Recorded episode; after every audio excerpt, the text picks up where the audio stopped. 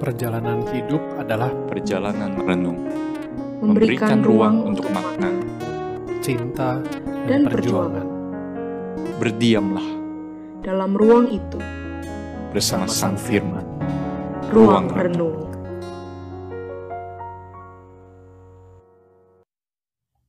Halo teman-teman Ruang Renung, bagaimana kabar setiap kalian? Saya harap kalian sehat-sehat dan juga masih punya semangat untuk menyelesaikan setiap tugas dan tanggung jawab yang ada.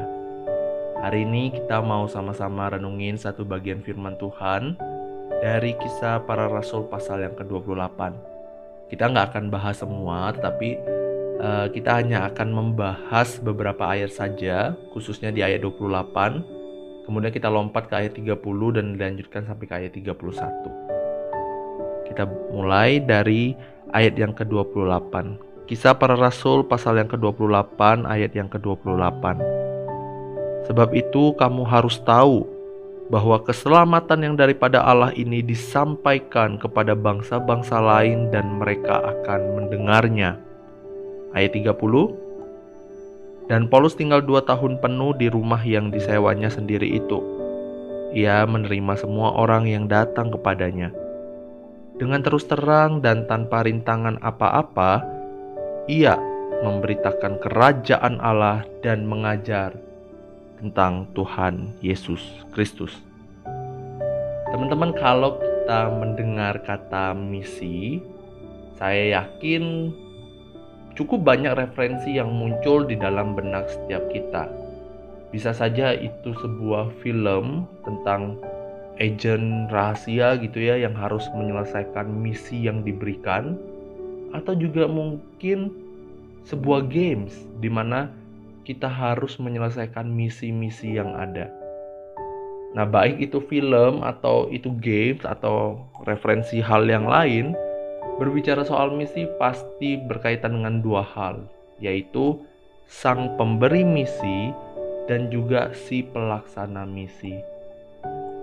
Teman-teman, kalau seandainya ya, sekarang itu kita berimajinasi, kita membayangkan diri kita yang adalah seorang agent gitu ya, di mana kita diberikan misi dan kita harus melaksanakannya kita akan cenderung membayangkan atau kita akan cenderung mengimajinasikan betapa keren dan gagahnya kita di dalam menyelesaikan misi tersebut. Kita akan berjuang begitu rupa, kita akan semangat di dalam mengerjakan misi itu. Sekalipun ada banyak tantangan, ada banyak rintangan yang menghalang kita, itu tidak akan membiarkan kita gagal di dalam menyelesaikan misi tersebut. Kita akan membayangkan betapa kita itu sangat berfokus terhadap misi tersebut dan kita sangat akan menyelesaikan misi tersebut. Nah, teman-teman, saya pikir ini menjadi sebuah gambaran yang menolong kita memahami kehidupan Rasul Paulus di mana dirinya begitu fokus terhadap misi Allah yang ia dapatkan, yang harus ia kerjakan, dan yang harus ia selesaikan. Kalau teman-teman membaca kisah para rasul pasal yang pertama sampai pasal yang terakhir, teman-teman bisa melihat bagaimana Lukas, si penulis eh, kitab ini, sangat concern sekali terhadap misi Allah yang harus dikerjakan dan juga yang harus disebarluaskan oleh para murid dan para rasul. Hal ini sangat terlihat sekali di dalam kisah para rasul. Dan kita dapat melihat bagaimana para murid dan para rasul berjuang begitu rupa berfokus kepada misi Allah yang harus dikerjakan dan yang harus disebarluaskan. Nah, sekarang kita masuk ke dalam bagian pasal yang ke-28 di mana di ayat yang ke-16 di situ dikatakan bahwa kami yaitu Paulus dan orang-orang lain itu akhirnya tiba juga di Roma, teman-teman. Tibanya Paulus di Roma ini bukan dengan status visitor yang artinya bisa jalan-jalan gitu ya menikmati kota Roma, tetapi kedatangan Paulus itu dengan status tahanan teman-teman. Di mana dia nantinya akan naik banding karena ada perkara yang ditujukan kepada dirinya. Nah di sini teman-teman beruntungnya Paulus mendapatkan kesempatan di mana ia boleh tinggal di rumahnya sendiri sebagai status tahanan rumah gitu ya yang pasti nggak dibiarin sendirian tetap ada seorang prajurit yang menjaga dirinya. Nah kalau kita perhatikan di ayat 17 sampai di ayat yang ke-22 di situ teman-teman mendapat sebuah informasi penting bagaimana ketika Paulus tiba di kota Roma Paulus itu akhirnya memanggil orang-orang terkemuka bangsa Yahudi dan tujuannya adalah Paulus ingin menginformasikan kepada mereka kenapa Paulus bisa tiba di kota Roma. Nah, ketika saya membaca bagian ini teman-teman, saya tidak bisa membayangkan bagaimana perasaannya Paulus pada waktu itu. Karena kondisinya Paulus itu nggak buat salah, dia nggak kedapatan berbuat kesalahan atau hal curang atau apa pun itu, tetapi dia itu dituduh dan dipaksa untuk naik banding kepada kaisar, teman-teman. Dan saya berpikir bahwa tentu saja ini tidak adil. Nah, tetapi menariknya teman-teman pada bagian ini ini merecall kita, ini membawa kita keingat satu bagian cerita juga di mana diri Yesus yang tidak mendapati berbuat suatu kesalahan harus diadili, harus mendapatkan hukuman yang ditujukan kepada dirinya. Dan ini menjadi hal yang sangat menarik di sini teman-teman.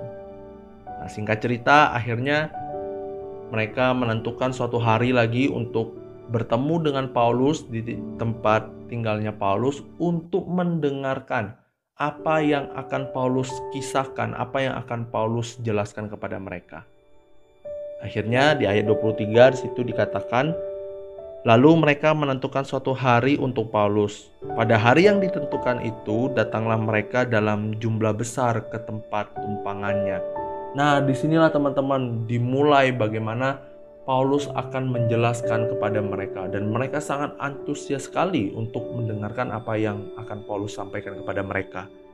Di ayat 23 itu kemudian dilanjutkan, ia yaitu Paulus menerangkan dan memberi kesaksian kepada mereka tentang kerajaan Allah dan berdasarkan hukum Musa dan kitab para nabi, ia yaitu Paulus berusaha meyakinkan mereka tentang Yesus. Teman-teman, ayat 23 ini menjadi sebuah poin penting yang mengingatkan kita bahwa Paulus sekalipun dengan kondisi dia sebagai status tahanan, ia tetap berfokus pada misi Allah. Dirinya tetap terfokus kepada misi Allah. Di sini Paulus menjelaskan kepada orang-orang yang datang ke sana mengenai kerajaan Allah, di mana artinya kerajaan Allah itu bukan lagi soal orang Yahudi saja sebagai penghuninya, tetapi juga orang-orang non-Yahudi itu juga berbagian di dalam kerajaan Allah. Dan berbagian di dalam kerajaan Allah itu bukan soal ketaatan kita atau kebaikan kita di dalam menaati setiap perintah dan aturan agamawi, tetapi itu semua melalui pribadi Yesus yang telah mati di kayu salib bagi manusia. Ayat 28 teman-teman di situ dikatakan, Sebab itu kamu harus tahu bahwa keselamatan yang daripada Allah ini disampaikan kepada bangsa-bangsa lain dan mereka akan mendengarnya. Teman-teman Paulus, sekalipun dengan status tahanan, dia nggak berhenti untuk menjalankan misi Allah. Dia tetap terfokus kepada misi Allah. Situasi dan kondisi tidak menghalangi dirinya untuk tetap mengerjakan misi Allah.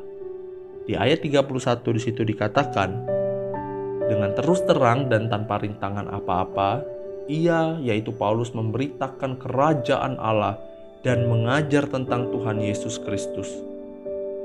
Teman-teman, sekalipun Paulus terpenjara, itu tidak memenjarai semangatnya untuk fokus terhadap misi Allah. Ia tetap setia memberitakan Injil, ia tetap memberitakan tentang kerajaan Allah dan menjelaskan tentang Yesus Kristus, dan dia tetap menjadi saksi kepada banyak orang. Dari keutuhan kisah para rasul, teman-teman, kita sama-sama dapat melihat bagaimana para rasul tetap terfokus pada misi Allah. Sekalipun mereka mengalami kesulitan, mereka mendapatkan mara bahaya, tetapi mereka tetap berjuang di dalam mengerjakan misi Allah. Mereka berjuang untuk memberitakan Injil, menjadi saksi bagi semua orang. Tentu saja teman-teman hal ini sangat relate sekali dengan perkataan Yesus di pasal pertama di dalam kisah para rasul pasal yang pertama ayat yang ke-8. Di situ dikatakan bahwa mereka akan menjadi saksiku sampai ke ujung bumi. Apa yang Yesus katakan ini menjadi panggilan bagi setiap kita orang percaya, teman-teman. Setiap kita yang adalah orang percaya sedang berada di dalam misi Allah yang sama. Artinya, ada tanggung jawab di dalam setiap kehidupan orang percaya untuk berfokus kepada misi Allah dan berjuang di dalam mengerjakannya. Terkadang, kalau kita berpikir mengerjakan pelayanan atau mengerjakan misi kita cenderung hanya terfokus kepada hasil. Kita takut ketika kita melakukan misi Allah kita gagal atau kita takut tidak ada yang bertobat atau kita takut mengalami penolakan dan sebagainya. Satu sisi saya pikir ini hal yang baik teman-teman untuk dipikirkan. Tetapi permasalahannya itu bukan fokus utama kita sebagai orang percaya Fokus utama kita adalah tetap fokus terhadap misi Allah dan kita harus mengerjakannya. Kehidupan Paulus teman-teman memberikan teladan bagi kita. Bagaimana dirinya sekalipun mengalami kesulitan tetap fokus terhadap misi Allah.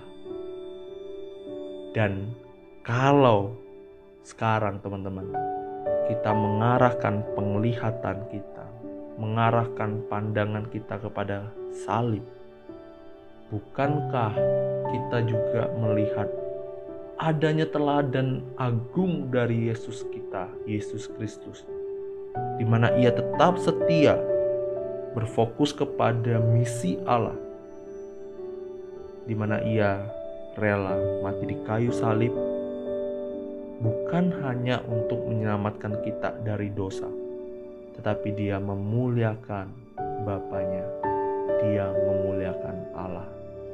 Dan kita melihat bagaimana Yesus Kristus sangat berfokus terhadap misi Allah. Teman-teman, kalau misalnya kita berpikir dan merenung sejenak, Sudahkah kita berfokus dan mengerjakan misi Allah? Teman-teman, jujur saja, ketika saya merenungkan bagian ini, saya mengintrospeksi diri, dan saya sangat malu karena saya mendapati bahwa saya gagal untuk bisa berfokus dan mengerjakan misi Allah. Saya terlalu sibuk untuk fokus terhadap pergumulan-pergumulan yang saya alami ketimbang saya berfokus pada misi Allah. Saya gagal menjadi saksi ataupun juga memberanikan diri untuk memberitakan Injil kepada orang-orang.